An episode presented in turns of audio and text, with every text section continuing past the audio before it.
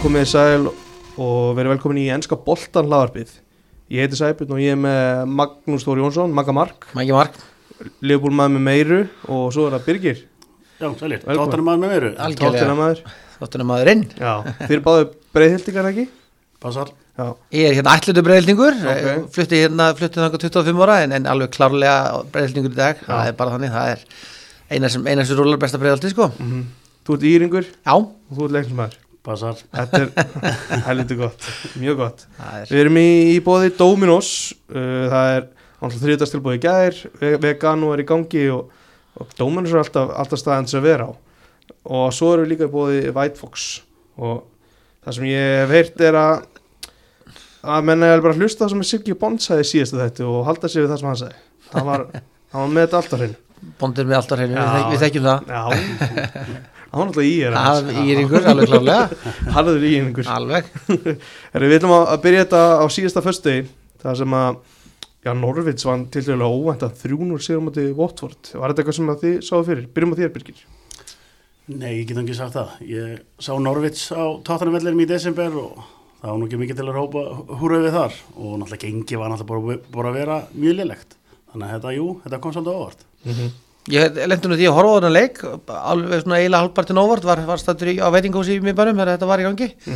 Og þetta var svolítið skrítin leikur. Ég náttúrulega byggis á Norvits ég fór á Votvort Liverpool 5-0 og þeir nú ekki vel út þar. Og þessi leikur var mér skrítin því að tölfræðin í fyrirleik held ég að verið 70-30 sko Votvorti vil. Mm -hmm. sóttu eins og kvikindi og voru að fá færi sem að, var að gerast.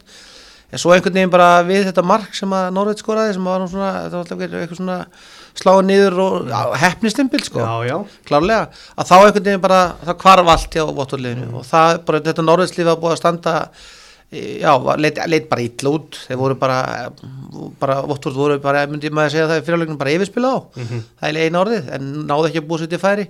En svo bara eins og hjá liðum sem hafa verið að tapa þá bara hurf, hurfu bara já bara allt, þú veist, þeir mistu hausinn uh, bara reglulega út um og hérna, svo er náttúrulega komið kjölfæri þar sem allir vissum myndi gerast Já, til já. Vottorð sem bara gerist áttasinum árið eitthvað þannig að það verður bara gaman að sjá hvað kemur út af því en ég held að Norvits veist, þessi, þessi úsliti voru með við gang leiksins kjánuleg sko. Að 3-0 sigur ég held að verið einu skot Norvits á markileiku við sko.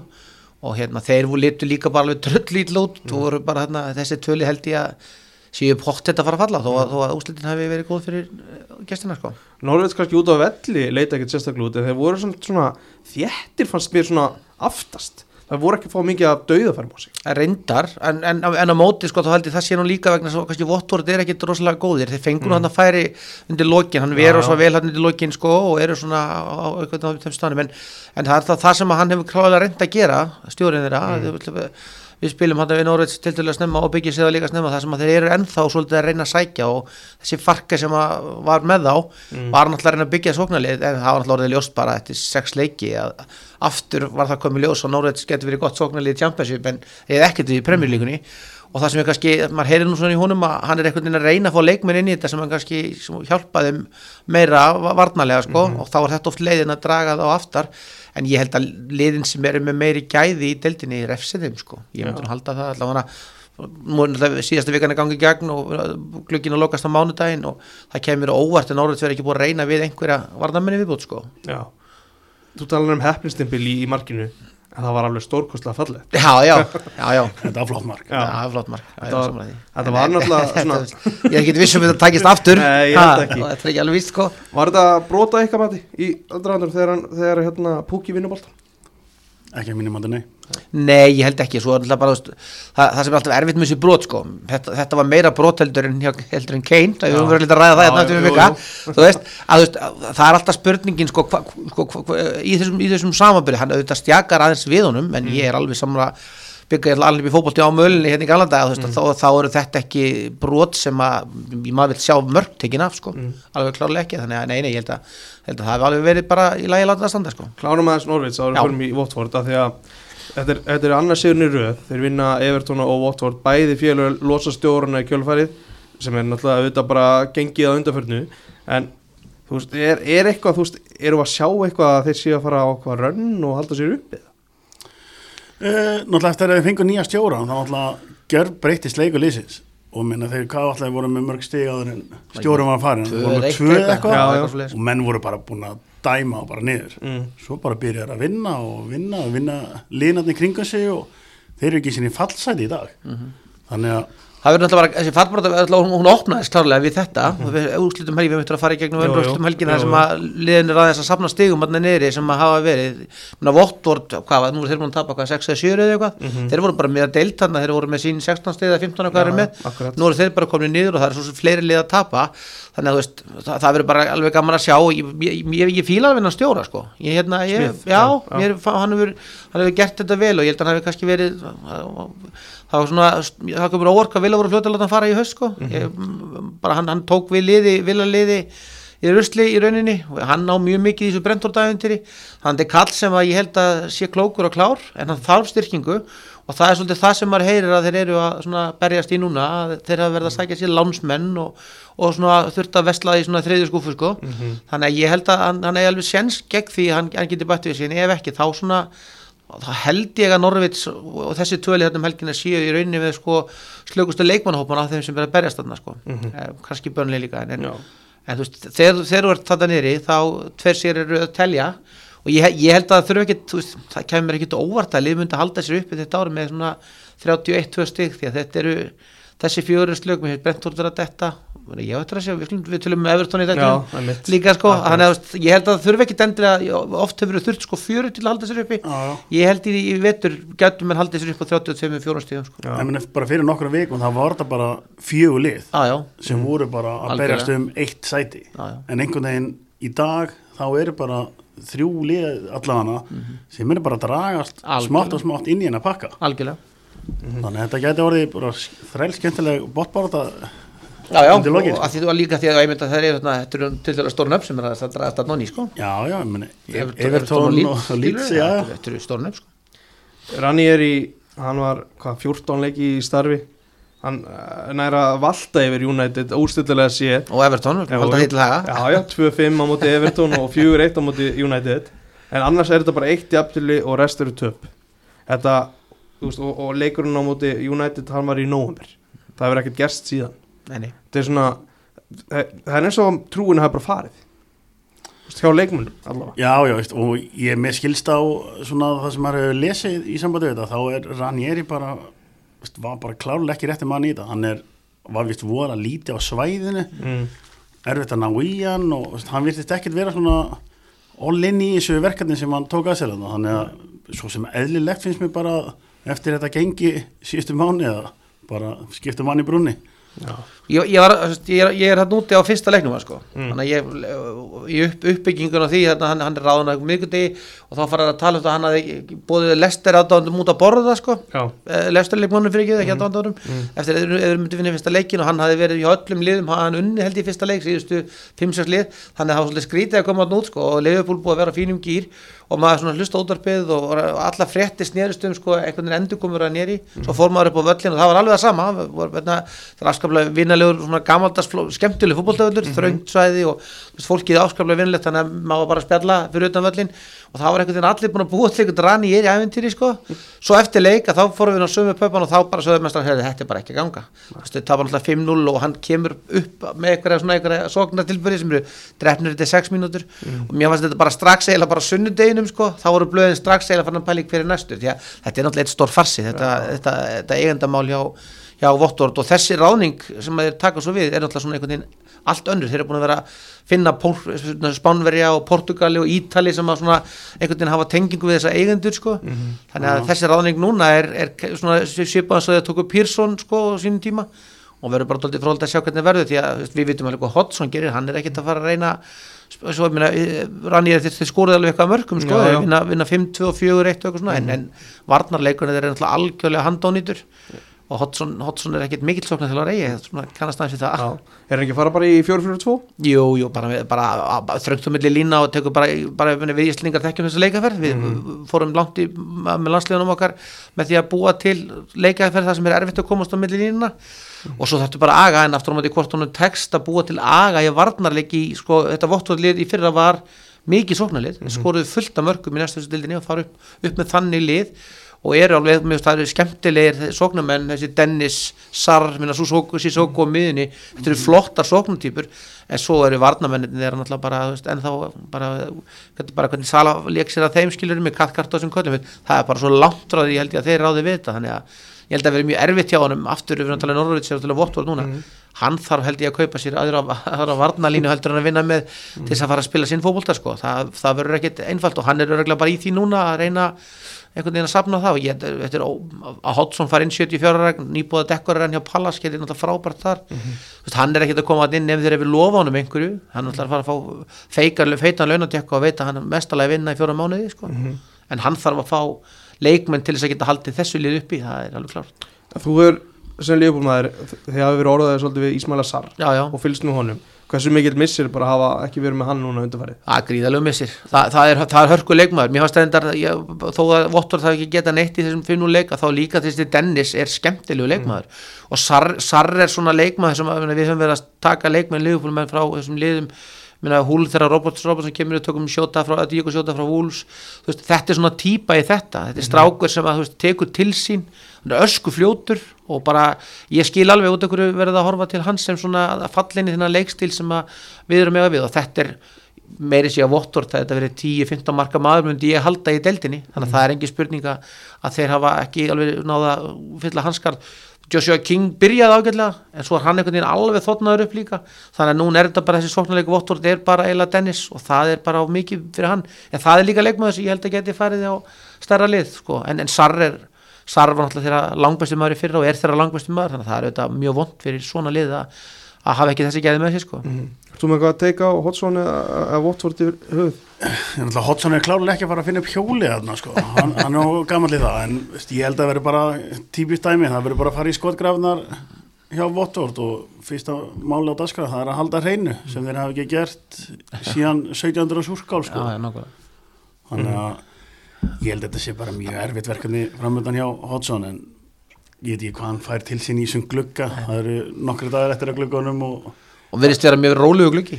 Já og bara veist, maður bara sér ekki svona vottorliði vera eitthvað, það er gótið til okkar við erum í svo rosalega góðum málum maður, og með gyrdilegan stjóra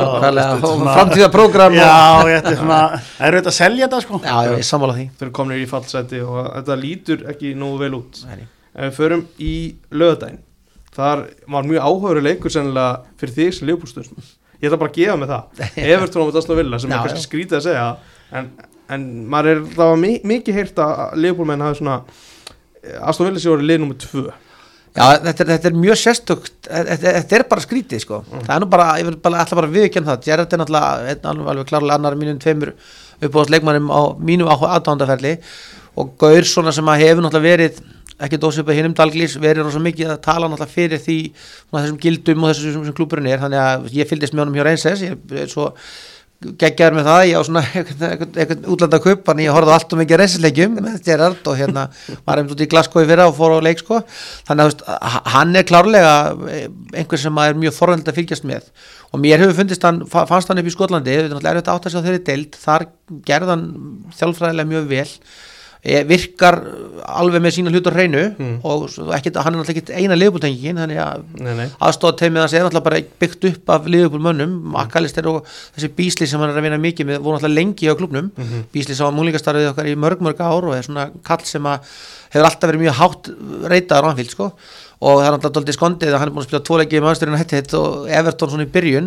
Og svona hvernig hann sko, hvernig hann svona embracear þetta. Þú veist, ég horfði á hann að leik sko. Ég, hérna, horfi ekki, ég, ég, venn mig ekki á það að horfa á Everton, við, það, þeir eru náttúrulega út af minni barna sko, Já, já. það er lið sem er lang verst við af öllum sko, þetta er algjörlega ekki fjöndu döðans, þannig að hann kemur strax bara hann inn á leikinu og átt að sjá því veist, hann, hann fikk alla aðteglina það er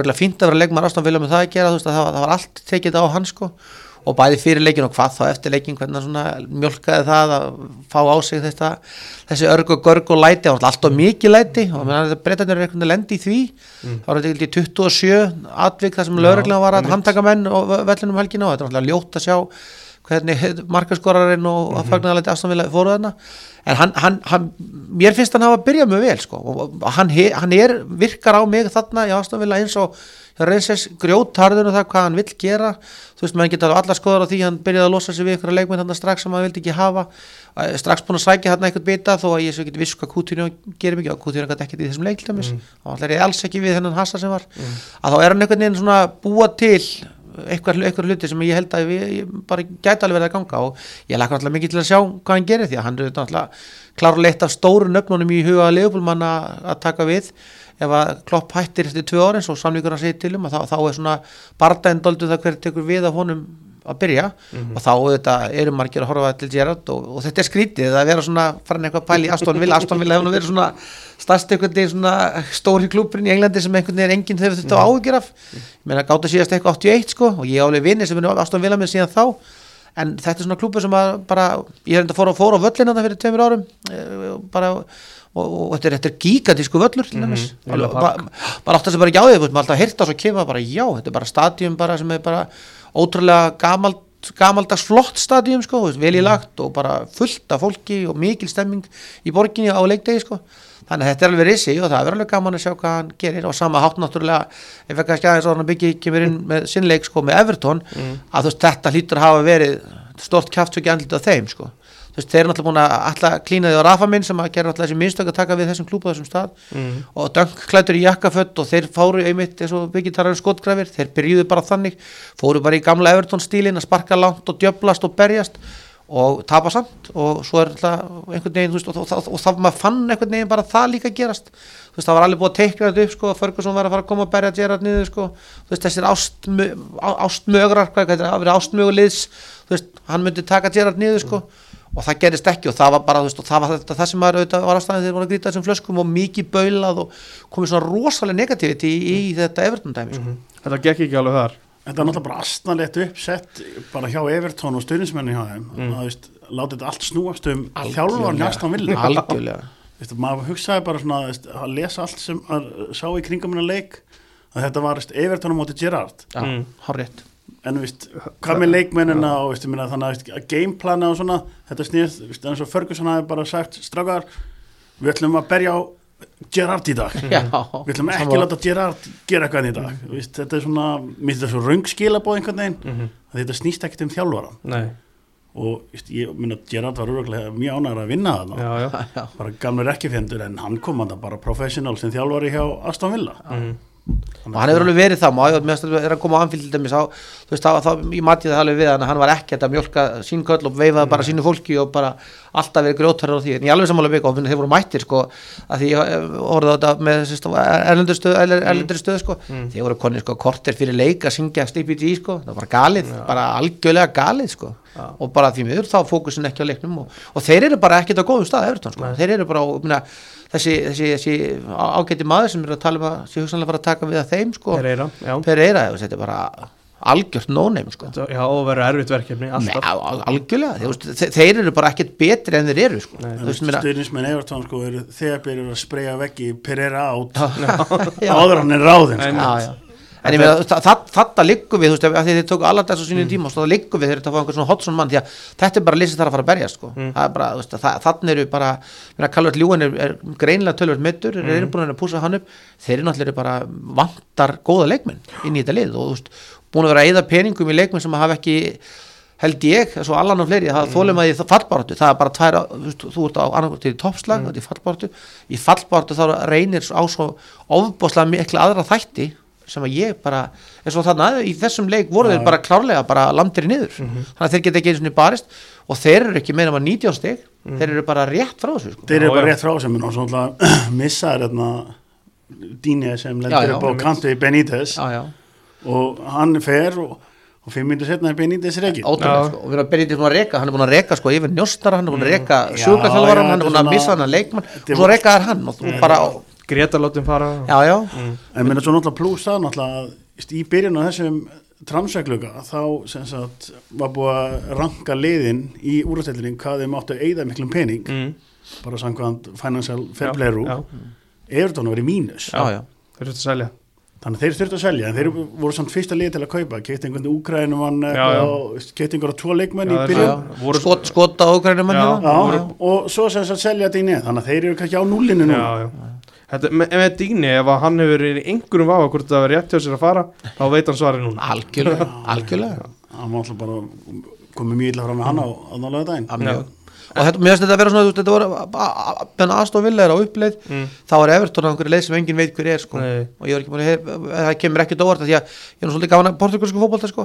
og þetta er Pereira er, er strákur sem, a, sem hefur ekki nálinum árangri sko. hann, einhverju, jú, jú, einhverju, svona, einhverju tíman einhverju fjóðarsætti, fimmtarsætti er í svolítið í tyrkneska boltanum Já. þannig að að fara að taka inn mann sem er aldrei verið nálat Premier League inn í fallbaráttu Veist, bara þetta er, en þetta var hann ekki með Porto? Minna, Jú, jú. hann lítur að hann á að segja það, sko. en það eru bara tvö líði Porto nákvæmlega og hann er búin að vera á okkur flakki og mikið, og þetta er búin að fara þrýsa til Tyrkland sko, og bara síðast reikin þar bara eftir Dabert gengi. Þannig að þetta er bara svona áframhald af einhverjum Máru Silva og svona hlutum sem eru að reyna sem að bara verða ekki og, þú veist, og það er bara genuinli að því að maður svo sem lesum mikið að leifupilpressinni og á kunningjar sem eru eftirstomenn og það er bara, þeir eru búin að átta sig á þessu núna held ég og þeir getur bara verið að falla. Hefði, Það- hefði ekki samt allir svona flikst á bakvið félagi ef að, ef að Rúni hefði bara verið sóttur? Bara borgað upp samningin á Derby og tekin Jú, mögulega, sko, ég er nú, ég kom nú skátt með það, að ég, sko, Darby er mitt lið nummer tvö, sko, Já. þannig ég hef hort tölvert á Rúni og Darby liðið í vetur. Mm. Og hann bara kom mér á vera hann að Lampard var hjá Darby og ég, ég fílaði hann ekki. Og Rúni hefur klárlega náð að búa til, sko, bardaga anda sem ég held akkurat Everton þyrti og ég, Darby aðdándur, að ég er nú svolítið inn á spjallum og það er alveg þeir eru skítrætti sko, hann verið tekinn. Því að hann, hann, hann myndi kannski akkurat auðvitað er hann reynslu lítill, en hann er klárlega þarna í þessu darbilið sem hann var að sapna frítransferum og var með þess að skila leikmunum vegna sem mátti ekki gera neitt sko hann hefur einhvern veginn náð að búa til þann slag svona kraft hjá Darby sem ég held að Everton hefði kannski þurft sko. En mér heyrist Úr þeir ekki engu, sko. úr engu sko, bara, úr, bara, bara Já, já, bara- brotna, hann er bara með bara- 18 ára stráka og frítransfer já, sko. já, bara hann finnir einhverja gaur út á götu sko, og spyrir hvort þið getur spila fótboll nákvæmlega sko. þannig að ég, það komir, hefur komið mér óvart. En ég held bara þú veist, e, þetta eignarhald á Everton er mjög skrítið þessi, þessi ágæti Mosi, hans besti vinnur er Kia Júrakbíjan umbásmaður, Já, já. þeir eru náttúrulega bara best pál sko, og það er svona kæft að segja hans sé svolítið að, láta Kia hjálpa sér. Ég verður honum að góðu. Já, það er bara ekki maður til þess að reyka það er alveg fótboltamann í Englandi, já, það er bara alveg vesen en þeir eru að fá hann völl, tengist það ekki þessum e- eigendum eitthvað? Jú, jú, og það, sko, það er náttúrulega svo gigantíst dæmi að nú byggið þekki náttúrulega betur en ég þessi vallarmál því að Liverpool fór aðra leiðir heldur stöldum tóttanum hefur gert. En fyrir Everton, uh, að því ég nú hort á þetta plan og tímabili var nú svolítið talað um að þessi völlur hérna niður í miðborg Liverpool væri svona samilitt átak Liverpool og Everton. Ég með það skal enginn taka það því að þessi völlur verður sennilega svona á með Newcastle vellinum á besta stað fyrir ennska fótboltavelli, þú bara, þú bara hálftíma lappur miðborg og eitthvað svona.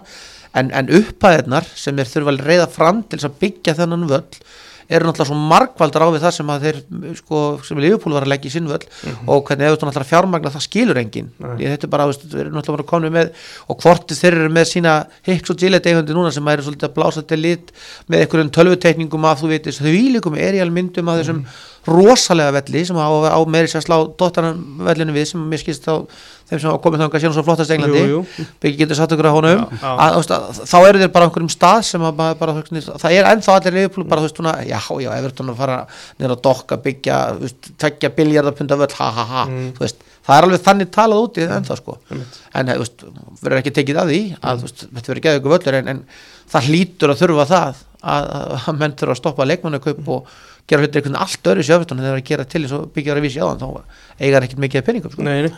Þetta er hérna aðeins þess að alveg klára hana leik þá Coutinho, þú ert uh, nú ert að fylgjast með Gerrard bættist svona áhugin við það að Coutinho Nei, nei, sko, ég, ég, sko, frá, sko, ég ég, allan vetur og ég fyrir auðvitað líka þá ég held að ég myndi vilja fá svona leikmann eins og Coutinho en bara ekki Coutinho mm. því að þú veist, hann náttúrulega tóknaði illa heila þegar hann fer frá Liverpool. Og hann tekin uppalega frá, frá, frá Inter þar sem hann er í bölvuðu brasi. Og Liverpool næra að gera vel við hann. Og þetta er leikmaður sem þetta, þetta er svona, ekki þú sem verður Lúsi Garcia var hérna í gamla dag, svona luxusleikmaður sem mm gerir ótrúlega mikið flottum hlutum sem að ég held að liðin svo Liverpool var alveg gott að hafa þessi gæði. En ég svo sem vildi ekki fá hann aftur sko, þú í það. Og, og, og svo bara, svo veit maður ekkert um það. Minna, við svo sem þekkjum það að þessi Suður Ameríku búar ef að Barcelona eldir þá Já. þá bara myndi taka hestinn niður Európa sko, þannig að hann skildi þannig við Liverpool að ég held að það verði aldrei verið neinn option að kippa hann tilbaka.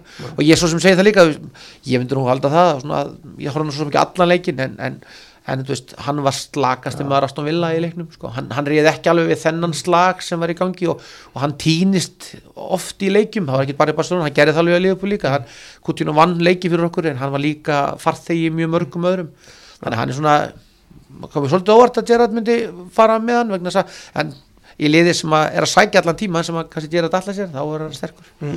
En það var smá sögur um Suárez að hann mögulega hefði áhuga að koma en samt var það einhvern veginn eitthvað bara slögt á því og hann væri núna að hjálpa Gerrard með eitthvað leikmenn.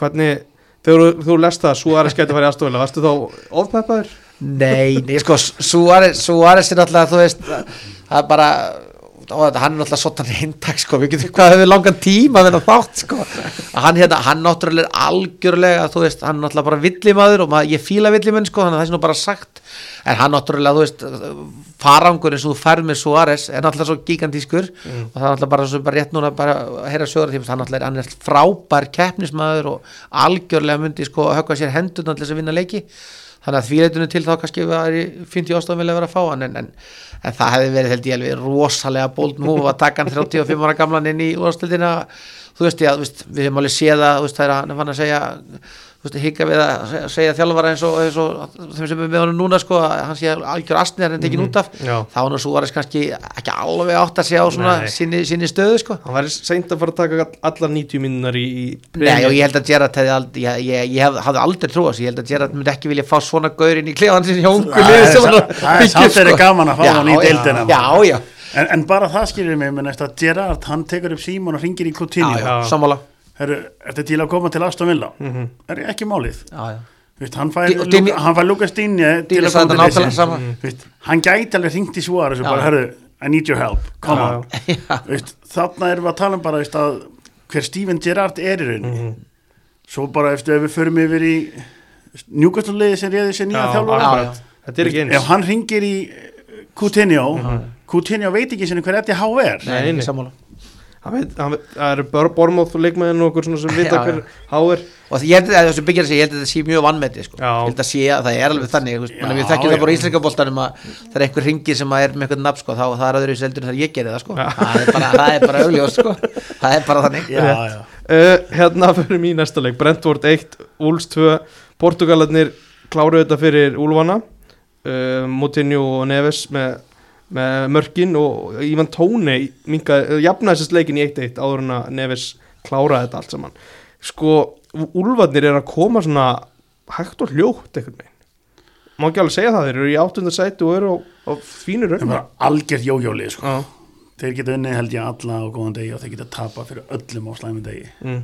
þannig að þeir eru mjög erfir að maður vera að tippa á geturnaseglin en meni, þeir eru bara, eins og segir, klifra hægt og sígandi upp töfluna en þeir gefa öllum leik. Þeir, ef þeir tapa þá tapar ekkert eitthvað stórt. Nei. og þeir hafa verið að rífa stiga af, af sem topp 5-6 liðum alveg reglulega sko. já, já. þeir voru betri en United um daginn og stafa verðskulda Þa, bara... það voru margi leikið svolítið sér upp að tímbilsins þeir töpu á móti toppljónum en voru samt ekkert síri aðalinn þeir bara fengu það var engin uppskjari hérna þannig að þetta var svolítið ekki að falla með þeim í byrjun. Þeir eru með flott lið. Mm -hmm replaceu landslýsmarkmann Portugals já. með einhverjum markmann sem maður vissi ekki sinni hver var en er, er bara drullega góður. Sem verður líklega bara landslýsmarkmann Portugals. Alltaf það ekki Alltaf líkur á því. Já, Svo náttúrulega er það náttúrulega jafnvel að missa núna hérna Guðurum með badnáliðina, tráverði Já, dóttunum hefur áhuga. En þeir voru að klára Hwang, hann er allavega komin alfari til Wools og þeir eru með hann hann að sko, mér finnst þú að því að, því ég hef nú gaman að þessi portugalska dæmi þá er aftur um að það er gaman að fylgjast með þessu, þessu útgáfa af portugalunum því að þú veist, þeir hafa ekki alltaf verið skipilaðir en þannig er greinlega bara verið að búa til leikplan sem að doldi bara virkar. Og það var auðvitað svolítið, kom ég svolítið orð þegar þeir skiptuðu núna út í vor því mér varst hann svo sem kannski verið ákveðum ákveðinu stað. En það er greinilegt að þetta múf þeirra breyti og byggjar að tala bara markmannskiptin þeir virðast einhvern veginn vera með vera með góða, góða þekkingum á þessum markaði og hverjir eru sem að höndla það í ennsku deildinni, þú veist orðinir, ég veit ekki hvað er orðinir margirarni eða hvort Þeir þeir eru eru bara áttaða tíu 14 skilur held ég. mig, já, ég held að sé bara, þú veist, bara ekki byrja á hópunum. Ég, ég held að þið sé með 14 Já, Portugal pældi því sko, þú veist, bara í leikmannahópnum er þetta bara tíu gaurar sko. Og þeir, og þeir eru, og það, þú veist, þeir eru, þeir eru, þeir eru, svo, svo byggir að segja, þú meina, Liverpool á, ja, áttu náttúrulega kannski skilið að vinna, Já. en við skorum á 94. skilur mig, eitthvað, eitthvað, eitthvað óríki mark sem er nú oft svona eitthvað happening sko, að þú veist, að, að þeir eru bara ólsegir og þess að þú segir sko, konir í áttunda sæti, þú veist, þú eru klárlega komni fram úr núna svona liðum eins og lestir og öðrum sem hafa verið svona þessum stað, svona aðeins fyrir neðan top 6 og virðast bara vera hægt og rólega að byggja þennan klúb sinn upp sko. Og það þeir segið þannig félagi mínir þarna sem eru að fara á, á alla leiki sko að þessi heimavöllur sjórin klárlega svo erfiðast í deildinni. Þetta er svona, úlvarnir er svona eins og ásvellir í hafnafyrir það, það, það blæs mikið. Þú veist, völlurinn er opinn eins og við talum stókvöllin sko. Þannig að þetta er svona, svona félag sem er einhvern veginn komið með svona svona stimpil, það er bara, þú veist, þeir eru bara drull erfiður ólsegir og ég fíla svolítið slið sko. Mér er meitt skemmtilegt með alla þessar Portugala sem eru hjá liðinu. Þeir eru 11 í hópnum, ég var að skoða. Já. 11, ok, en ég held þessu að allir í gegnum sama Já, já. Já, það er bara- bara, það er bara og svo þessu rettaði þjálfaranum. Já, hann, það er bara, þeir eru bara með einn umbúrsmann Já. sem reddar öllum leikmannum og svo nýjum þjálfurum og verðist einhvern veginn finna leikmenn sem fitt inn í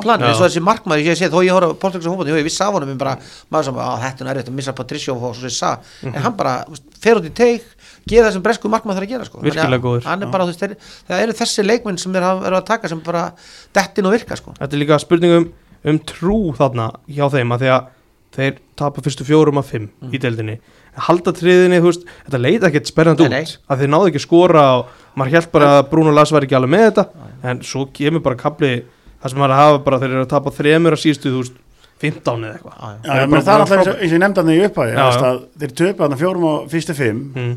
Og flestar af þeim leikjum voru þeir bara yfir betra lið. Já, og bara uppskerum var engin. Mhm. og þannig að þetta er náttúrulega mentality að, að halda hóknum á tánum. Já, já, saman. Veist, ekki setja höguna í bringuna og það bara líti upp og bara fram veginn og þeir gerðu það og er komin í áttundasæti Brentford, já, þeir eru það er ekki alveg sami gangur á þeim og kannski í byrjun, þetta var mjög spennandi en þeir eru með 23 stíð strax. Já, já. þannig að það, eins og þú segir 32, 34, 60 eitthvað megin það er ekkert rosalega langt í það markmið. En í Brent, sko, mér finnst aftur á móti það sem að, nú er Brentor spilaði bara búin að spila við Liverpool báða leikina og svo, svo, svo ég nú lefst úr þessu. Það er svona, þú veist, það er komið samt einhver svona hlutir í Brentford sem að voru ekki að klikka í, í, í vetur. Í höllumis uh, þeir er að spila á United á þriðudeginum Mhm, mhm. og þeir skor ekki og Já. mér að DG 8 er endar enn einn frábæra leikinn þar þeir fá, svo, en svo einhvern veginn það saman ég lísti áðan með, með hérna, Votvort svo fáður á að setja markana í upphæði setna áleiks og það bara plaff. Og það sama í lífbúleiknum við erum múna, þú veist, þeir, eru alltaf að greinilega standa, alltaf standa sér fram að hálfleik. Svo skora Fabinho þarna 44 í setna áleik átti lífbúl skora 4-5 þessi leikur, þú veist, úlvarnir voru mun sterkari. Já. þú veist, svo skorar Tóni þetta mark þú veist, en þá hugsa maður þessi nú alltaf þeir að þeir eru unnastón vilja til dæmis Mhm. 1-0 undir, þú veist, en það sem gerist þá að úlvarnir taka einhvern veginn að leik þarna, ja, þarna yfir og vinna. Og þú veist, og það er náttúrulega þannig að þe- þeir eru sko að spila fáum mönnum og þeir eru svona, veist, svona háorku lið og spila með fimmuna vörn. Það er samt einhvern veginn að fjara hans undan þeim og ég er sammála því, þú veist þessi 23 stíð verði ekki tekin af þeim. Nei, nei. en klárlega síðustu fjóra-fimm leiki þá sér maður ákveðin, ákveðin veikleika merkja á þeim að það er að þotna mörkin upp hjá þeim, er bara þarna ekki múin að skora hann um ykkur tvö í síðustu fimm eða fjórum eða fimm tölurum í lýsingunni Já. og eru að fá á sig núna fóð þrjú mútið Liverpool, fóð þrjú mútið Manchester United og eru svona aðeins að lendi í vandræði með það það er aðeins farið að sjá þeir skoruðu með ekki hvað mikið að mörgum og löngum yngkostum nú erum við aðeins farið að teikna þau Já, upp. já. þannig að þeir þurfa svona eitthvað innspýtingu. Svo reynda sá ég í morgun að það er, þeir eru að reyna að ná Eriksen Jú, jú. sem að ég reyndar ekki að- vissum ég held að að það sé bara nokkurn veginn klart en hann náttúrulega er ekkert að fara að virk- einhverju miklu á þetta en hann náttúrulega er rosalega sterkur bara í klefanum Já, já, og engasvæðinu hann tekur aukarspilnunar og það tölur byrja um ekki svona að spila strax sko, Já, þá, þá er hann alltaf bara svona karakter sem gæti hjálpa liðinu því að í byrjuninni þá svona voru þeir the new team já. og komu mjög óvart bara með frábæra spilamennsku, skemmtilega bolta sem voru að spila og bara margir skemmtilega leikmennina og náði fullt á náttúrulega náði í megna þessum stingum í byrjuninni. Sko, Þeir- að- minnum við svolítið nema Sheffield United náði að klára sko tvo þriðja mótinu þeir, þeir, þegar þeir eru að hanga sér uppi þá, þá vinna þeir þetta í einna síðustu tíu og svo árið eftir þá er eitthvað stoltið búið að finna út vegna þess að þeir höfðu ekki nema svona eitt plan einhvern veginn Já. og þetta plan sem Brentford var með gekk svo vel, veist, við Leopold voru bara skítefnir að gera Já. þrjúður játtölu og Já. í rauninni, ég meina, ok, við fengum fullt að færi með þeir fengum dæmt mark af sér og, og voru bara að berjast út við að hotna og einhverst og þá lokaði maður augunum, sko, Mhm. þannig að þú veist, þeir voru alveg með plan en einhvern veginn núna finnst mér svona eftir þegar það plan er eitthvað að klikka þá er svolítið erfitt að grípa það, sko. Og það geta alveg orðið vesinn, sko, Ég en, held að liðin sé líka bara búin að svona kortleggja á. Já, ég held það sem er máli, sko. Talandi um karakter og, og svona kannski hugafar með Eriksen af því að mér varst Thomas Frank verið svolítið lítill í vittar eftir leikinu á United. Hann var það, hann talaði svolítið svona eins og þetta væri stórkost þetta ná að að þvinga United í einhverja breytingar og hvað eins og það sé það hafi verið eitthvað þvíld afreg sem það er auðvitað í stóru myndinni en þú kannski segir það ekki alveg svona. Ég er finnst þetta bara einhvern veginn algjörlega taktlögst Já. Vist, Hvað er þetta að hrósa fyrir tap? Því að hinn þurft að gera breytingu en, Akkurat. en hann tapar samt leiknum. Já, þannig að, eitthvað ekki, mér finnst þetta skrítið. Mm. Já, ég er sammála. Þetta var, þetta var, og þetta og ekki alveg í hans anda. Nei, ég er Þetta- sammála. því, að- því að hann er einmitt svona gaur sem bara það er bara allt svona kristalltært hjá honum og veistu, hann er bara hefur verið flottur þannig að þetta komment hjá honum var bara mjög skrítið það kom með mitt mjög óvart. En núna er það næstu úrslit þarna í bótbaratunni sem að breyttu aðeins hlutin og Newcastle vann Leeds 1-0 John Joe Shelby með markið Liverpool maðurinn Kanái hérna þessi, þessi úrslit komið þetta eitthvað óvart eða? var þetta ekki, máttu ekki alveg búast þessu? Jú, alveg eins að held ég, Mm. ég veit að lítið getur tapað fyrir öllum og, og njúkvöldin hefur náttúrulega, ég veit ekki síðan Eddie Howe tók við, ég veit ekki hvort hann hafa eitthvað batnað mikið en það er náttúrulega bara mikið vandamál þar. Mhm. og vandamálin er núna komin í Leeds líka þannig að Leedsjarnir geti alveg átt sætiskipti við njúkvöld innan skams já, já, Sko, lýtsa, sko hafa alltaf verið klárlega þú veist, þetta, er, þetta er rosalega einhvern veginn skrítið, það er alltaf ótrúlega mikið lýtsverfum kringum hann sko að þeir eru alltaf búin að vera mikið að meðsla að búin mikið meðslavesen á þeim þeir eru búin að vera með margi burtu og mikið vesen sko og það sem mér fannst sko fyrir svona 6-8 vikun síðan þá fannst mér ennþá að reyna að spila þennan, þennan súisættal fótbolta þú veist, tapa sko hvað 7-0 fyrir City í leikna sem voru ennþá að sækja stöðinu 5-0 bara á sömu d- dæmunum sko verandi með veikt lið og Bielsa svolítið svona þrjóskur. Að bara, bara ég ætla að halda þessu áfram no matter what sko. Svo aftur á móti fannst mér, ég hor- horfði ég á móti vestam og þá var svona aftur komið svona ákveði gritt í þá sem að, sem að mér fannst að vanta í þessum leikjum þannig að þessi úslit kom mér óvart að því leitinu til að mér fannst þeir vera búin að finna mótjóðið sitt sko. Já, ég sá það mitt á móti vestam, ég skrapa vellin þar. Mm. og þar voru þeir bara flottir. Já, en, það, sko. en það var svona í í fyrsta skipti í svolítið tíma sem maður sá þá vera að gera eitthvað að viti. Og svo náttúrulega bara kemur næsti leikur eftir og já, já. svona frekar dabert fyrir að ná ekki að fylgja eftir vestansegrinum og klára njúkvæstul því að þetta er náttúrulega bara, þetta var 60 leikur. Algjörlega. Ég held, ég hef skrifað frétt fyrir vetur að sem að kom fram að Leeds hafði aldrei tapað á móti liði í fallseti eftir að þeir komu upp. Já, já, þetta lítur að vera fyrsta sinn. Það getur verið. Veist, og menn á, þessu lýtsli er náttúrulega flottir leikmenn sko. það eru, menn að finna náttúrulega kláleitna top 5 svona utan í stórulega klúbana held ég. Og miðmennir hafa verið flottur og fínir. En það er einhvern veginn, þannig að mér finnst lýts einhvern veginn vera á þeir eru akkurat lið sem getur unnið alla og, og tapa öðru öllum og ég vil tapa stórt, sko, þeir eru eitthvað ólíkt Já. úlfa, úlfana með því, veist, að þeir hafa náttúrulega bara verið teknir og flengtir Já, já. í nokkur leikjum. En með svo náttúrulega bara spurning með Bielsa mennast hvort að það sé komið þreita í mannskapin að hafa Bielsa já. hann náttúrulega, Þetta hann lætur menn lætur menn finna fyrir hlutunum sko og lætur að hlaupa. Já, já, algjörlega og það er bara, og mér á þetta njúkastlega og ég er byggja þetta með njúkastlega ég bara, njúkastlega er náttúrulega svona þetta er skemmtilegu klúpar mörgu leiti mm. bara, og maður er svona fylgst með honum í gegnum árin og tíðina.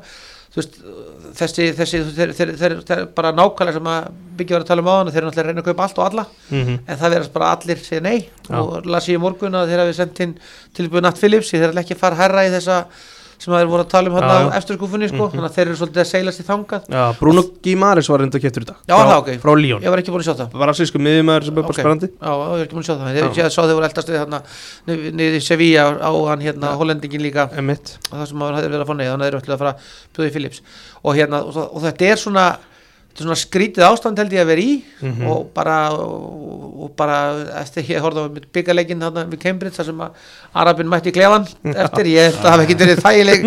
Vist, ég var ekkit gladur og veist, ég ætla ekki að tala á fordómum en að Guður frá í Arabi kemur niður til að segja mér ég vil standa mig sko. En að þetta er svona skrítið í gangi hérna sko. En það er samt geggja tækifæri núna náttúrulega bara fyrir rosalega marga klúpa að selja leikmenn Já, til. Newcastle því þú getur bara fengið svona fjórfalt verð þeir borguð 25 miljonum punta fyrir Wood. Chris Wood. Einmitt. 13 ástrala Akkurat, það er það sem að hín liðin eru að nota. Já, já, bara þið eru tilbúin að borga þetta fyrir hann. Já, já, borgi okkur aðeins meira fyrir Já. hans yngri leikmann sko. algjörlega. Þannig að þeir eru náttúrulega eiga nóga pening en þeir eru alltaf samt ekki að láta hafa sig að fýblum en ég held að þetta sé líka bara vandamáli eins og ég nef- nefndi á hann að, að, að selja klúbin og selja hvað þeir eru að fara að gera Mhm. veist, þetta snýst ekki endilega bara um að fá feita launatjekka. Nei, Veist, þú ert síðan bara að fara einhvern klúb sem ég ekki, er kannski ekki með gott visjón nei, nei, akkurat Þetta er, þetta og þeir, þeir, meina, þú veist, þeir verða bara glæðir að vera í 17. seti mér finnst þeir bara það sko. það, verða að það, halda það, það, er- verða það heimilja verða með bara 17. svoleiðis, seti sko, sko. það er bara þannig sko Akkurat Næsti leikur, hann var nú ekki mikið Manchester United 1, Vestham 0 um, Ég horfði á hana leik og ég er Manchester United maður Svo það sitt ekki fram Ég hugsaði að þetta, þetta var nú bara allt í lægi hjá mínum mönnum Hún var að halda boltanum og, En svo já, svo áttum við því að Vestham er ekki svona að pressa Þeir eru ekki að hlaupa Þeir, þeir loka aldrei á DG Aldrei eitthvað þvinga á eitthvað Þannig að það, Vestham komir er í rauninni, voru meira mombrið heldur en United í þessum leik þetta var náttúrulega bara, veist, ég sá nú ekki allan leikin en það sem ég sá á þessum leik þá hefði ég bara getað eitt tíman í mig eitthvað annað Já. því að sko ég held að vera komið fram á 88. mínútu mm. þá voru bæði lið búin að eiga eitt shot on target Já, já, þetta var og, og þölurinn að það í ennska sjónarspilin sem ég var að horfa á Mm. hann var bara there is nothing happening. Það var ekkert að gerast.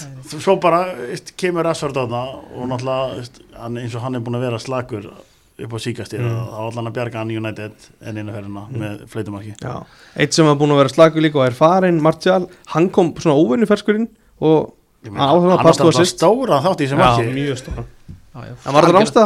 Nei, ég held nú ekki sko Nei. ég held að, ég held að bara, þetta, er- þessi, þessi, þessi, þessi línu dráttur allur er alltaf frekar Mhm, erfiður sko mhm. það var annar ánstöðum sem stóð í um helgina sem við tölum á eftir jú. en þetta, mér fannst þetta ég, fyrst, þetta er svona vafi sko ég skil alveg það sem segja já, mér finnst það ekki ég, ég, ég, ég, svona slí, ég, ég hallast frekar að því að þetta hefði bara verið löglegt mark. Já, ég, ég er alveg saman því ég veist, mér finnst bara einhvern veginn þegar það þarf að fara að draga þessar línur Já, já. það er ekki rámstæða Nei, og það þarf að vera, það þarf að vera miklu skýrar en þetta, einhvern já. hérna, þú veist, einhver svona 8 cm 5 eða hvað líkamslutið er, við viljum bara mörkin standi, sko, ég, ég er þar, sko, þó þetta hafi verið United mark ég ætla þess að hafa ágjör að vestam mínum sko, Mhm. mm þeir, þeir náttúrulega það er svona annar, annar klúpur sem að, veist, er gaman þegar það gengur vel, það er svona ákveðin klúpur sem ég sig þegar það gengur vel hjá og vestam hefur svona verið svona búið til skemmtilega fótbolta Mhm. Já, þú ætlaði líka mikill móismadur Já, Móis reyndar, ég þetta var nú hérna fyrir löngu síðan, þá er hann var þjálfari Everton þá rúntaði hennu með hennu valsveld þá var hann að skoða leikmenn sko. Já, já, hann er duglegur í að koma til Ísland sko. og, og, og pappans að ég var að, ég nú yngri flokkunni í FH, pappans er reglulegur hérna, hérna Mm. og hérna Albert Eymundsson verið góða vinni hér sko. hann að Móis hefur ágætist tengt fyrir Ísland sko. en vestam einhvern veginn, og ég mitt horfði nú á, líka á litleikin sko. Mhm. og að því við náttúrulega lentum í miklu brasi þar og töpum fannst mér alveg sangjant og við, við fáum alltaf færi en þeir voru svona mér fannst þeir vera flottir Einmitt. en, en þarna þessir tveir leikir fyrst mútið lýts og uppleikið hans í þessum leik einmitt, eins og ég brent orði fyrirleikum út í United þriðdeinum, kerðu bara á það og voru til að sparka það niður þetta var, mér fannst móðis vera að stefna okkur 0-0 jættefli Já, þetta sem að komur á óvart sko, því að vestam er alveg með, að mínu viti með hörkulið sko. það var flott það er svona eins og þetta mojo sem var í liðinu er einhvern veginn bara farið. Já, þetta var- það virkaði þannig á mann sko. það var hvað ansi orku lítið Já. þeir væri bara glæðar að labba börn með 0-0 það var, það var sk- komur óvart og leikurinn var alveg óbúðslega leðileg Já. ég hætti að horfa á hann sko. Já, Það ég- hægt.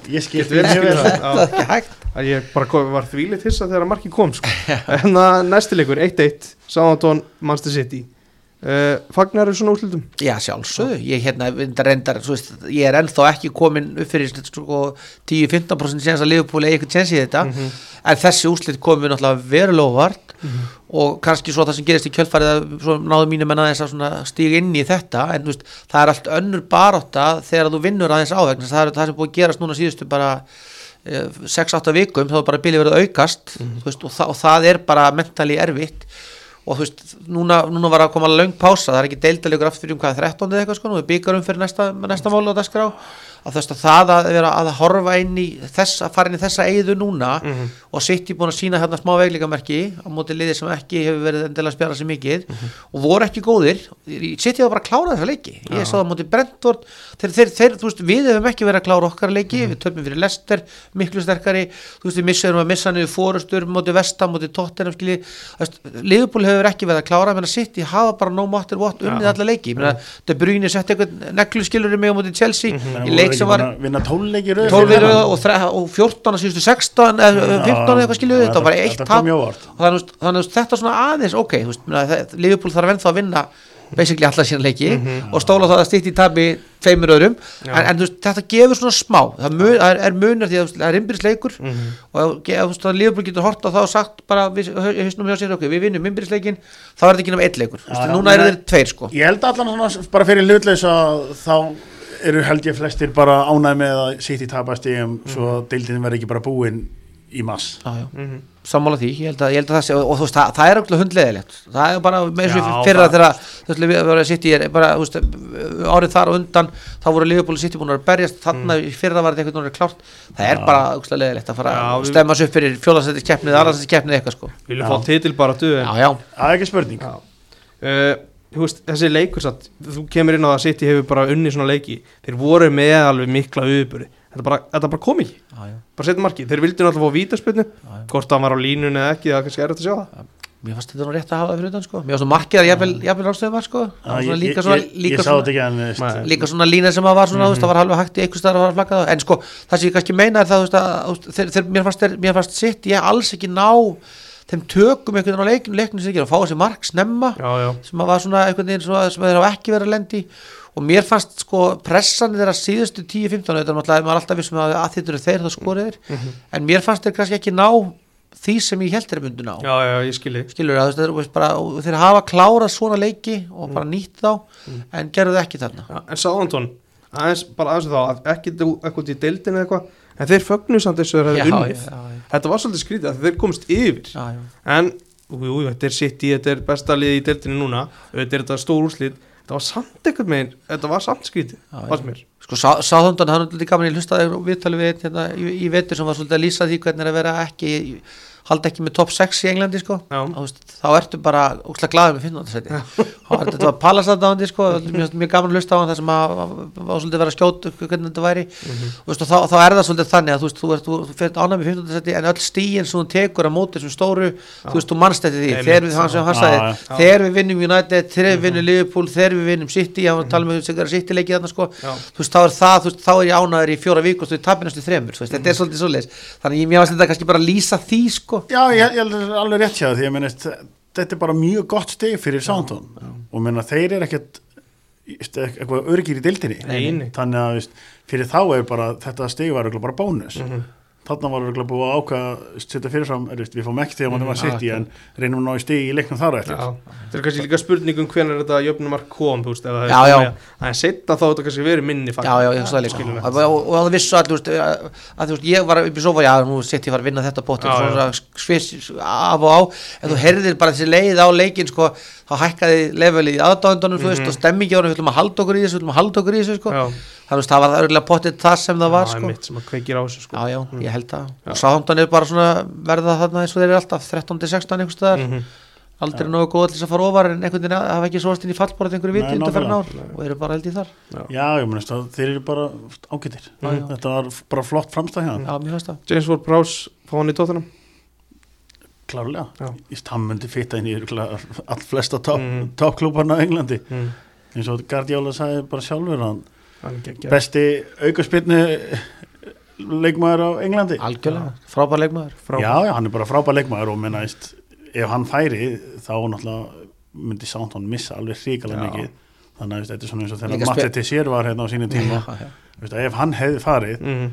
þá veist að Southampton væri ekki í Premier League. Já, klálega ekki Veist, þá hefði þeir já. röglega fallið og enda bara í svona Sheffield Wednesday Já, já. pakka einhverjum En þeir fóru náttúrulega í það, þeir fóru alveg í lík tvö, er ekki- eða lík Jú, jú. one allavega já. í Championship var ekki, fóruð þeir alveg niður í Held League One? alveg lík one ég sammála því og, mér, og James Ward Prowse er líka að spila leikstöði sem að þú veist það er ekki döðvelt að fá flottar áttur sko. ekki, Á- sko. áttur er ekki drosa margar í heiminu þú getur fundið tíur, getur fundið sex þú veist, þessi aðtekningum til þess að svona box to box skoður sem er sko frábara að tækla og í vinna varnavinnuna og svo skeinhættur Mm. inn, í, í tegnum og í kringu tegin þetta eru típur sem er, er, er, er, er erfitt að finna sko. Og ég held held hann haldi honum ekki mikið lengur þeir, það er kemur mér óvart í rauninni ef að myndi ekki einhver af þessum top 6 sækja hann í sumar sko. Já, já, en hann, hann kemur til maður að kosta ja, hann kemur til að Já. kosta ekki spurning. Hann er uppalinn og, þú veist, og leikmaður sem gerir tilkalli í enska landslið það er algjörlega. þvílík velmætt í því.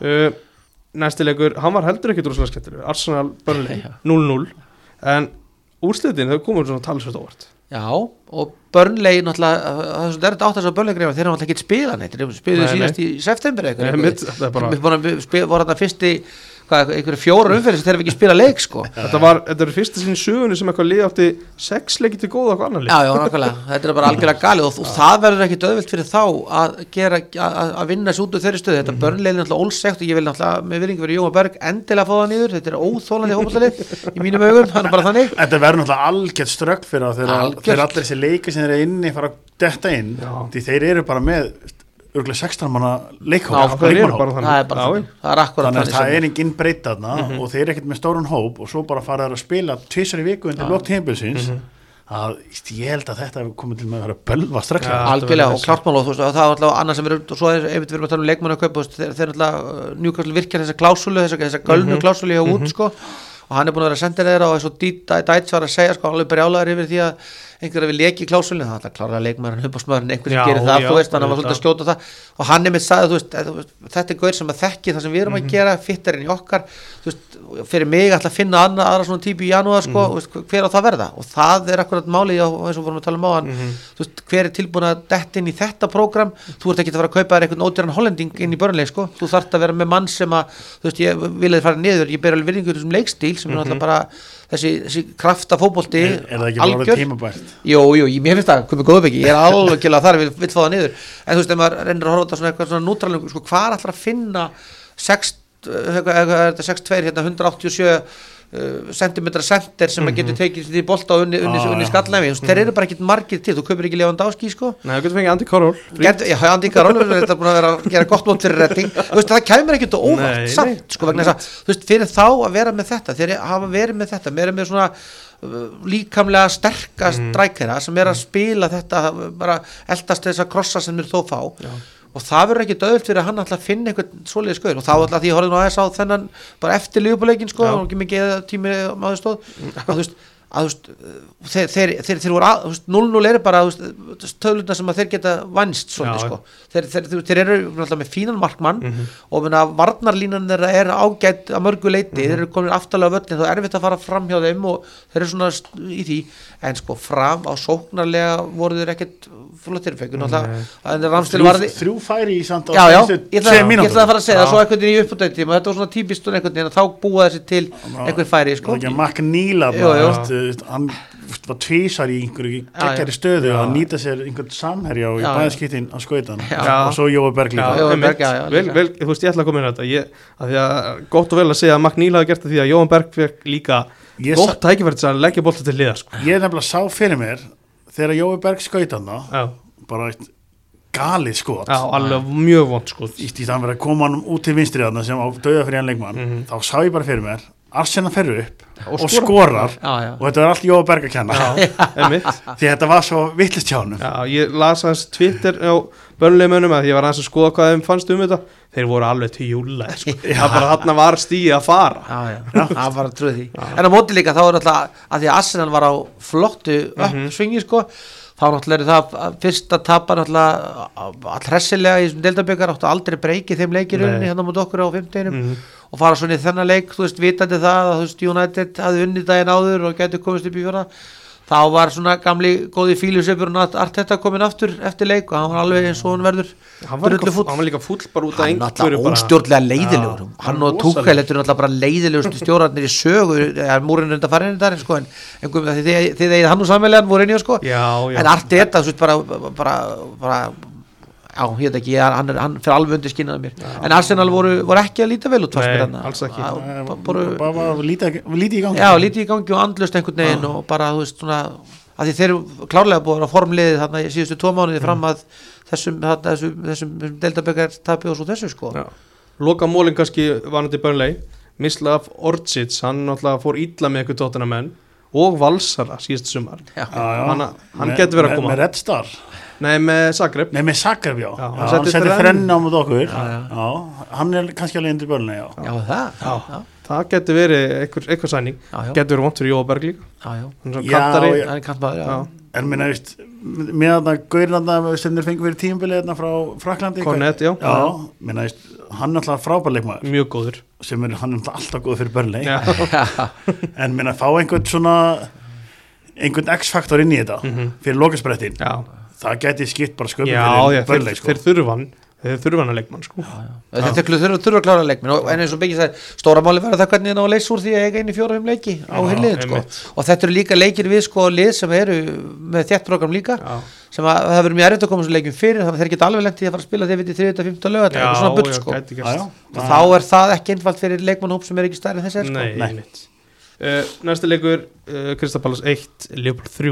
ekki stærri en þessi Nei, Nei. einmitt Næsti leikur, Kristapalas 1 Leopold 3 Þetta var kaplaskipt þetta var galin fótballleikur þetta var mjög skrítið fótballleikur og bara Liverpool bara, við erum nú hérna 7-0 í fyrra og voru nú slakari þannig að það var nú 3-0 í þeim leik. Þeir sótt og sótt og við fórum í skindurskona skóluðum en þú veist, þegar Liverpool skora mark nummer 2 á 30. annari myndu sem að bæðu vegi er klárlega ólulegt, Já. þetta er ekki eins og að rífast um það. Mhm. að bara, mag, mag, mag, bara ég, var, ég hlust á ennska tölu og, Já. Karraker sem sagði það í lýsingunum og aftur satt í hálfleik að var hafa ekki tekkað á þessu mómenti. Sem er gjörsamlega galið. Og bara lýsir því að þeir eru ekki alveg konum við varið alveg á réttan stað, ætla ekki að taka neitt af Oxlade sem hefur komið vel inn í þetta núna Já, við erum svo að tala um að Roberto Firmino er rángstæð alveg klárlega og, fyrirgjöf. og, gerir, og hann gerir alveg sterkan Já. til boltans, hann missir hann yfir sig og varnarmæri stígur inn í hann þetta er- þetta var alltaf, Mhm. þetta var alltaf bara, hefur náttúrulega mikil áhrif. Algjörlega, þetta er, bara, þetta er alltaf rángstað þetta mark, Mhm. en óháð því sko að þú veist þá er Liverpool þarna búin að eiga tíu skot á markið. Og því var, við vorum að, fórum yfir þetta í koppunduris á skoða tölfæðina á þeim tímapunkti þá er Liverpool sko búið að vera 76% með boltan og, og eru sko 10-0 í skotum Já. á þeim 60 mínútur sem eru eftir þá eru við sko 43% með boltan og þeir vinna okkur sko 7-4 í skotum Mhm. og þetta gerist bara svona ein vond sendingin á miðunni Liverpool dettur í eitthvað og þú bara, þú bara heyrðir allt í hennu Sellerspark sem er sagt að sé svona hávarast og skemmtilegst völdin í Englandi, ég hef gænt hann á honum sko Mhm. hann bara, hann hækkar allir sem heldur á grinni við förum í halvleikum og segja, hann tekur nú klöpp og er yfir á nýttan Einmitt. sko. kom aftur út í sennuleik, skítefnir er ekki búin að fá sér jöfnumark þetta í mínútu, Mhm. aftur þetta í þrjár eða mark segir Já. sko þessu þetta mark og rífa sér aldrei í gang. Nei. og það var mjög skrítið. Og við vorum bara skítefnir Var, bara, Saði Þetta Klopp eitthvað um þetta?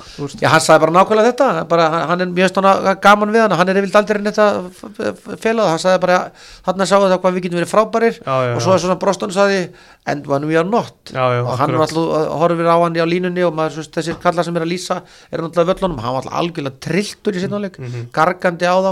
Og það var bara einhvern veginn allt sem klikkaði fannst mér sko, bara mm. Palas, allir okkur, þannig inni en þú veist, það var ekkert bara að segja að varnalínan sem var mjög shaky voru, voru missaði gegnum sig og voru að gefa sendingar sem voru náttúrulega bara galnar Mhm. en þú veist, það var engin pressa Nei. bara, þú veist, er ekki verið með svona liðið possession á tímabilinu og hvernig þú ferð frá því að koma inn í leiki með kassan úti algjörlega yfirspila mótir hann bara koma hann út komin tvön og lifir en svo að verða svona eins og litli strákar þú veist Já. og þurfa svo að láta dómaran hjálpa sér í lokin. Þetta var skrítið setnáleik það er mjög skrítið. Bara, og veist, bara, þannig að Liverpool það er bara haldið að þetta er í Walk in the Park eða eitthvað í setnáleik og, og Krista Palacerinn er bara bara get, getur henni bara verið svektir að hafa ekki fengið eitthvað út úr þessu leik. Algjörlega. Því náttúrulega, svo kemur náttúrulega þriða mark Liverpool sem náttúrulega er Mjög sérstakt. líklega einhver, einhver finnast að Það vítaspilna er sem maður sé lengi á sér, Já. sé lengi sko. Í því. Algjörlega, en sko það sem er, mér, þetta hefur þetta komið upp hjá Leopold gegnum, gegnum tímabilið að þeir hafa svona lent í svona stöðu í leikjum þar sem hefur ítt út og Lester gerði þetta í ákveðin tíma og skoraði markið sitt bara með því einhvern veginn að íta við orkun þá gerist þetta einhvern veginn þannig að svona, þá vantar einhvern svona drive inn í Leopoldið sem að ég held að muni kosta okkur það að við vinnum ekki í stóra til eins sko. Og það er ég svolítið sagt að miðjan okkar vera dálítið áberandi þar. Svo reyndar eru náttúrulega þú veist, fyrir mínu og er einn af mínum uppáhaldsmönnum í undanfjörnum árum, hann er náttúrulega rosalega erfitt og ekki bara að skora, hann er hann er ekki ítli í pressunni og svona, þannig að það er svona það kemur upp eitthvað dæmi og liðin bara veist, finna það með því að vera alltaf fysísk og bara, veist, bara sækja og bara pressa á okkur, þá erum við ennþá á svona að alveg bara mjög vel til dæmis, Lester gerir þetta. Veist, að þetta eru stöður sem að, veist, að við sittum svona sem er í þessu koppdæmi og gorgum á hvernig annan á Facebook sko, sem að sé ekki eða ekki Twitter yfir leikjunum sko. Þá er þetta alveg þannig og við alveg gegnum býtum, að nú kemur þessi kapli þetta er svolítið eins og með íslenska handbóltanarsliði það koma kapli og þessi kapli var alveg rosalega langur. Að- þegar að, að að þetta var í fyrirháleikurinn síðasta kortir, þetta var alveg jafn lélegt sko. Mhm, Alisson reyndar þá reyndar að hann er rángstað annað en það, hann á tvær alveg heimsklasa vöslur bara með því að hann er Liðin í hálfleik og yfirleitt þá hefur Liverpool og Klopp náð að sko færa til í hálfleik en Mhm. þarna halda þeir bara áfram og ég var svo sem ósáttu við skiptingarnar og þú veist, alls konar sluti svo er í gangi sko. Mhm. en þú veist, svo er það bara þannig að við höfum ekki verið að vinna í vetur leiki þar sem við höfum kannski verið sterkir í, ég meina lestarleikur alltaf grína að hafa tapa á honum, Já, klúra já. og bara, og, og bara leikir vestamleikurinn, þar sem ekki það út, að, þú veist, þannig að þarna svona kannski í fyrsta kipti í vetur vinnu við leik sem að var bara í sjálfu sér já. menn það þetta var ólulegt mark, ég fer ekki dóna því. Og svo er þetta víti, þú veist, jú, jú, þú getur alveg dæmt á þetta víti, en það sko allir fara að dæma víti á, Já. þú veist, einmitt Diogo á móti Tottenham, skiljið já, eða. Ederson á móti Newcastle, skiljið mig. Þú veist, og það var svo fyndið að sjá þetta sjóta svona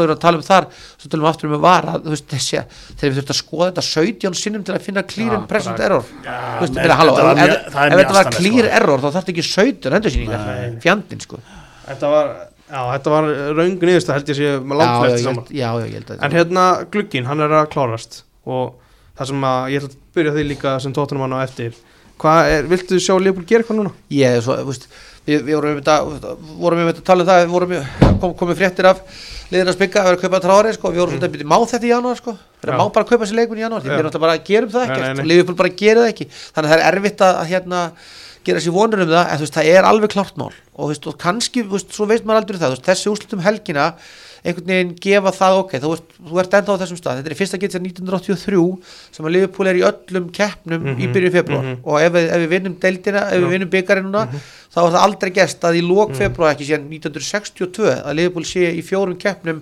í lók februar, þetta þú veist, þetta er bara meiri sér okkar þetta stert og þú þart, ef þú ert þarna að spila einhverjum hóp, það vita allir að við ætlum að vera að vinna Chelsea, Jú, jú, auðvitað. Meina, mestaradeildin er þarna og deildin er þarna, ok, FA-byggarinn er þá kannski komið svolítið neðarlega því það er ennþá langt í, í úslitaleikin en þú veist, við erum ekkit alveg þó við séum með góðan hóp miðað við já, að þá, þá eru klárlega lapsar í liðinu sem, sem að ég myndi vilja átt að laga. Mér finnst okkur vanta miðjumann meðan Jason Prowse er klárlega einn af þessum draumunum þeir eru með mann svislendingin á Gladbach sem, að, að, öll liðin er alltaf því sem er renn út af samningi í janúar.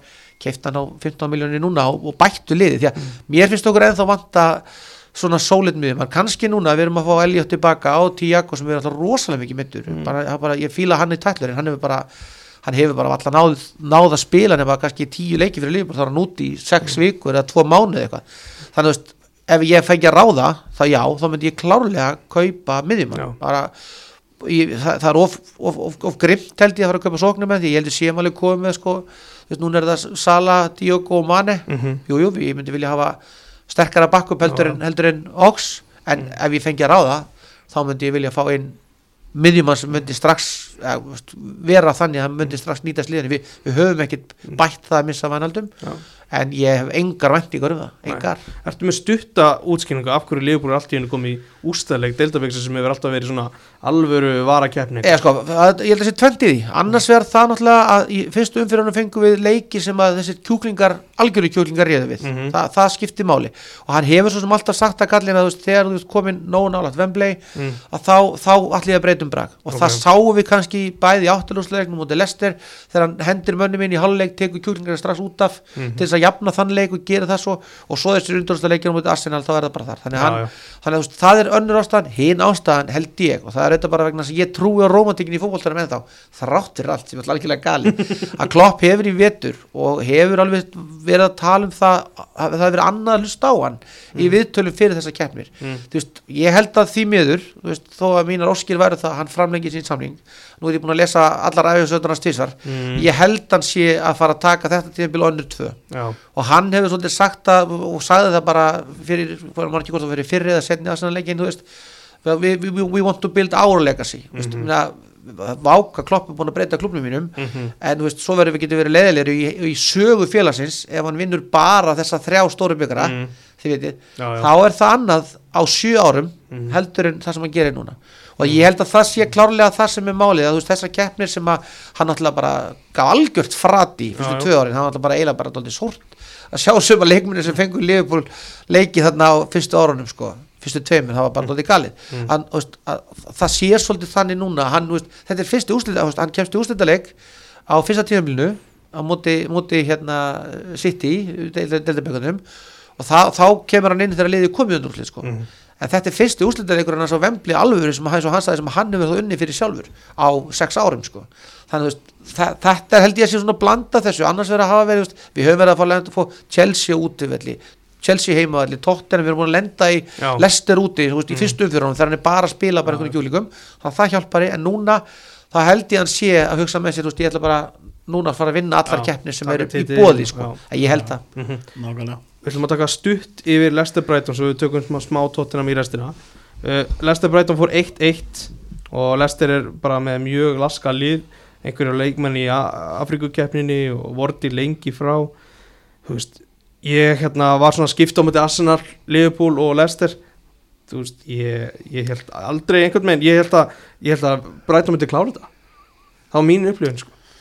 Ég er þetta sá ekki leikin, ég er bara aðeins búin að lesa um hann en Mm. mér þetta að Brighton hafi bara átt að klára þetta. Mm og ég held að Lester sé komið á skítið stað. Ég, hérna, bara, ég, er, ég er ekki ég, ég, ætla, ég ætla að passa mig að tala íllum Brenda Rodgers að hann var ekki vondur stjóri í Höljöfúl en, en hann aftur á móti hann hefur, mér hefur fundist hann dóldi sleppa vel. Auðvitað náttúrulega frábært hjá hann að vinna hann að byggari fyrir hann og bara þú veist það fyrir Lester þá er það stórt að vinna efa byggari en ég ætla ekki, ekki að gera lítið úr því. En ég held að í rauninni þá, þá veist hverju sem það er að kenna þessi, þetta svipla fráfall eigandans sem að svolítið þýtta þeir eru ekki alveg kannski vestlað eins, eins mikið að leikmönum eins og áður.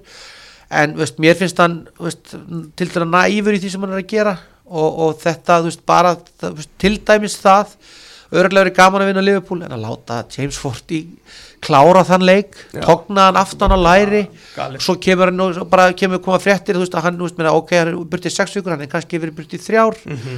þú veist, svo situr hann upp með þetta hérna núna þú veist, Lester þú veist, það, það er fíla í Lester sko Mhm. það var baulað alveg mikið eftir leikin og, og, og þeir, veist, þeir, þeir, þeir, þeir hafa ekki náð að einhvern veginn að vorti er, er eldast hann verið mikið Mhm. þú veist, það er dropp form þarna á leikmönnum. Tílemanns hefur verið mjög mistakur í vettur er leikmaður sem ég held að sé svolítið komið með hausin í burtu. Já. Og hann hefur ekki einhvern veginn náða að bæta því. Það er frábær, mér finnst Harfi Barnes til dæmis, tala um spennandi leikmaður mér finnst það frábær leikmaður. Var rosalega mikið skemmtilega leiknum algjörlega sko Mattisson er svona upp og niður hann var frábæra með okkur, mér slíkt hann hef ekki getað neitt í þessum. Og- þannig að ég held að Lester geta alveg verið að dragast þarna niður í tíu sem þeir eru náttúrulega drullu fúlir með. Þeir náttúrulega alltaf að klára mestraraldasætti Já, þeir eru í, í tíundarsæti og ég góða á Brighton sem er eru ekki að ég að Nei, en ég þeir held vinni Nei, nei. og, þeir, og þeir, þeir eru bara, já, ég, ég held að Lester sé, Lester er á spíralunum niður þannig að þeir eru alltaf að fara að tala það Rodgers að fara að taka Manchester United, ég vona það einilega því að ég, ég, ég held að hann sé ekki í þessum top 6 klassa gæðum sem að hann svolítið hefur verið talaði fyrir. Og mér finnst Lester liðið ekki hafa hann en afsöku fyrir að vera komin þarna sem þeir eru komin sko. Þeir, þeir, þeir, þeir eru að láta lið geta sig upp sem að eru þarna fyrir, fyrir, fyrir, hafa verið fyrir neðan sko. Akkurat, Er þetta ekki bara svona réttu staði fyrir Lester? Jú, kannski, en þú veist, mér að klubur er alltaf búin að vera þarna í top 6 þú veist, og Já, já. flottur En, þú veist, það, og, en einhvern veginn sko eins og í fyrra, veist, þá var ekki fyrra að hitti verið það sem þau voru bara í, í bílstara sætinu og jú. meistardildasæti A- algjörlega. svo bara hrundi það í lokin og Já, já. þeir endur í 5. eða 7. Einmitt. sæti eða eitthvað þetta er svona það er svona vant eitthvað smá upp á að gera þetta svona, já, já, að svona solid top 6 klúb. Og ég veit ekki, ég menna svo náttúrulega er bara hópurna sér bara, er ekki en þetta. saknar Nei, þú nei. fana og, og fleiri skoða sko, Já. svo, skulum við skulum átt okkur á því það er kannski það sem ég er að meina ég, ætla ekki að, ég ætla ekki að vera vondið Rodgers. En sjáðu leikmenni sem hann kaupir þegar við seljum svo þegar hann fyrir að kaupa Rikki Lambert Já, og þessi leikmannakaup sem hann er að gera núna kaupir hann Patson Daga sem hefur virkað í Europakefninni verist ekki vera þarna. Mm Að að, að, að finna leikmennina sem, að- sem að virka inn í það sem þú ert að gera Mhm. og það kannski finnst mér að það var vant að þeir eru ekkit minni pening heldur en margir aðrir Nei. þannig þú veist Þú veist, ef þú ert að fara úr 1.000 Lísabeki, þú veist, þú mestar þetta fyrir einhverjum árum svo ertu í fjóra, fymta sæti, svo ertu þessi núna komin í tíund og ert að bara, átt bara skilið. Þú veist, þá er kannski erfitt. Ég er alveg sammálið að við sem þekkjum erum búin að vera í þessu lengi, lestin alltaf gati ekki neitt í 30 ár sko. Nei, og er ekki, alveg, þessi borg er ekki stór þessi klúppur, með Aston Villa er starri klúppur þú veist, Leeds miklu starri já. Newcastle, þannig þú veist,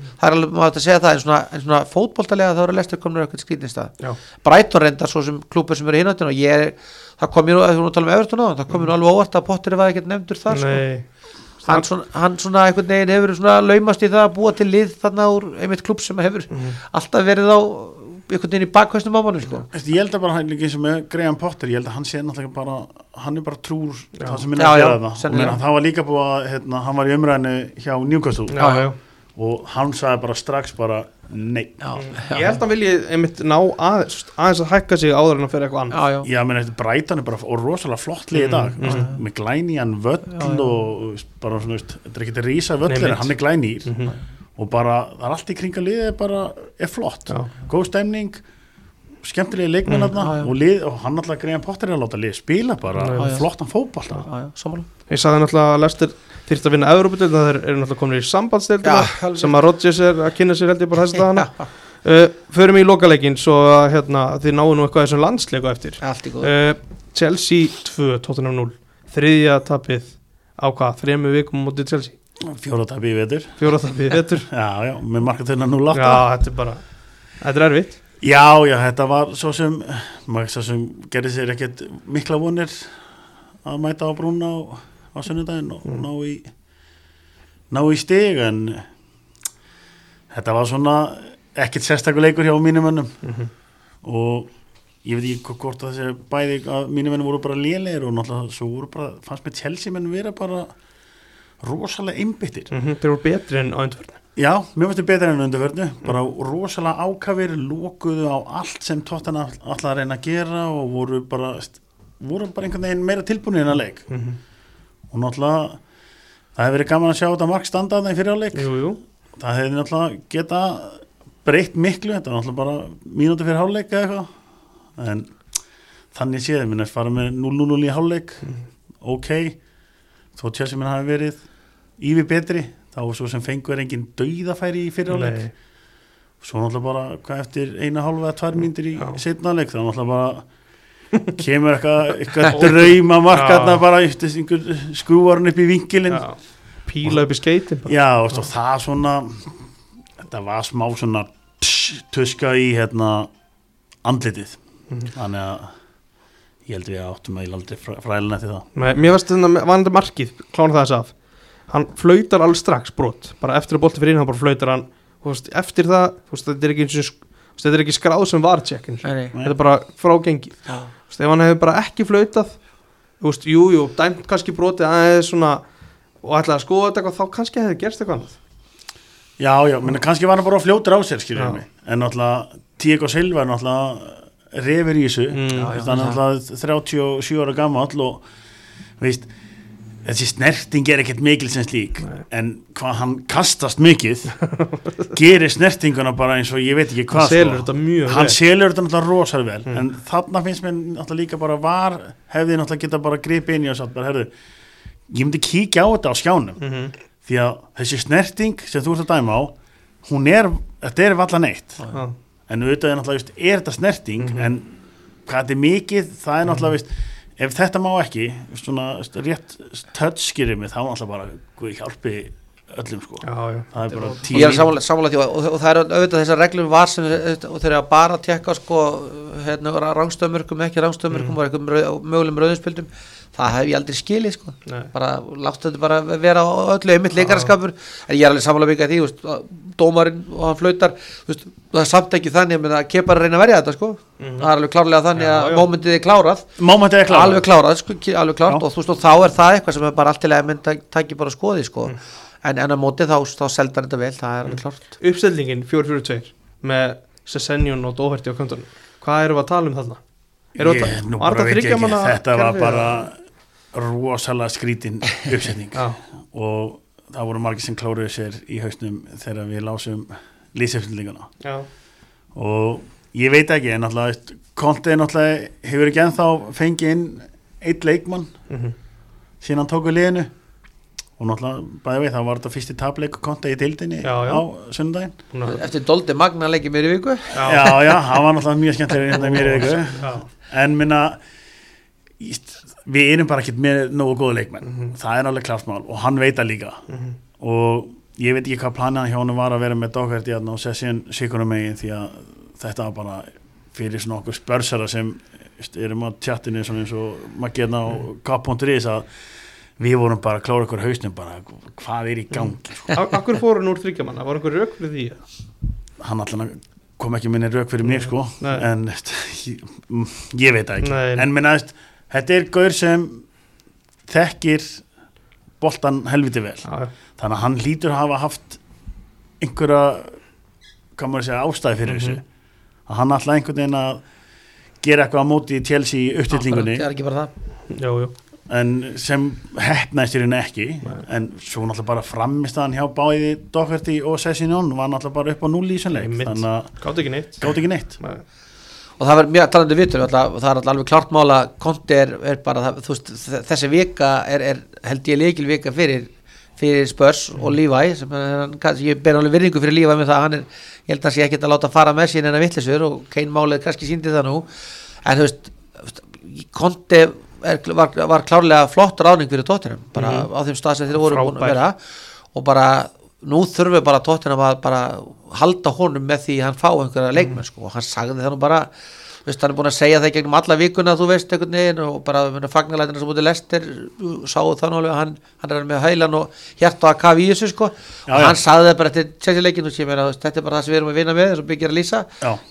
Dókert ég á náttúrulega ekki vera að spila í sliði Nei, nei, minnst og hann er alltaf bara búin að komast að því skýrjum að, veist, að minnst, hann komst til með staði mjög greinilega þegar vorum hann í sambandsdeildinni og hann fór að kvíla hérna, Já, já. key, key players. Það og þá bara kom hann, kom hann inn í liði leikmenn sem veist, hann hafi bara séð á æfingum í rauninni Já, og framist að hann var náttúrulega bara skelvileg og þá náttúrulega bara klóra hann þessu haustum og, bara, veist, og hann saði bara beint út veist, tóttinum er bara ekkert með gott Nei. lið. Nei, nei, nákvæmlega. Það var bara sreinskilið hann var bara mjög hreinskil Hann er alltaf svo stúlis típa. Já, já. Það er alltaf drull erfitt að vinna með honum en hann er alveg grjótarður já, en minnst, og, og náttúrulega veist, hann alltaf hefði aldrei tekið þessi jobbi hjá tóttinam nefnum að vera bara með veist, mittla í stein að hann fengi pening Algjörlega til að kaupa leikmenn Já, þið, með, þið tóttunum með, vita það að United menn voru mjög ósattir við það að Conte fór í tóttunum já.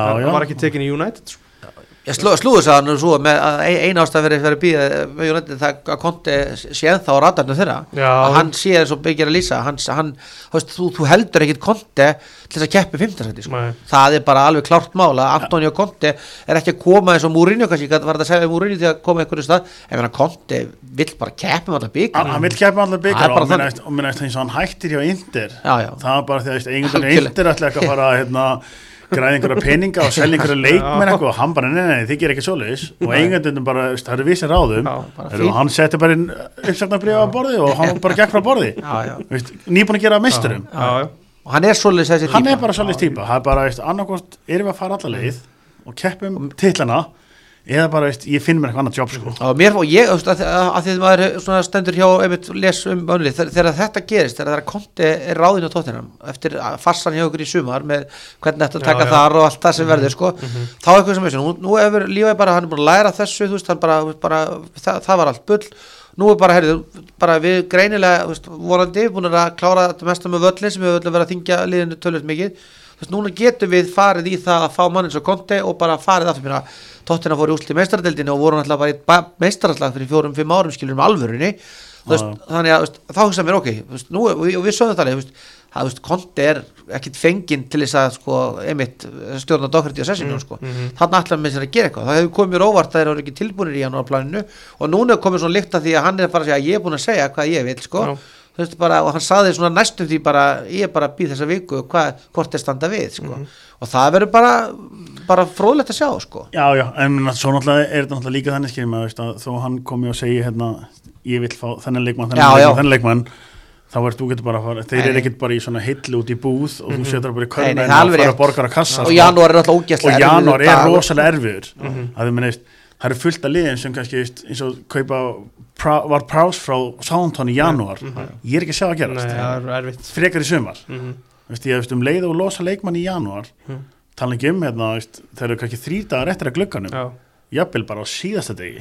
Þá finnur ekkert replacement. Nei, og þessna eru lið bara mjög hvað maður segja, bara svona lokuð á það að selja leikmenn í januar þó þau séu sér leikmenn vill fara en það bara sagt, herru, þú ferð ekki í januar, við ætlum að selja þig í sumar. Þannig að hvað gerist núna í januar hjá Tottenham?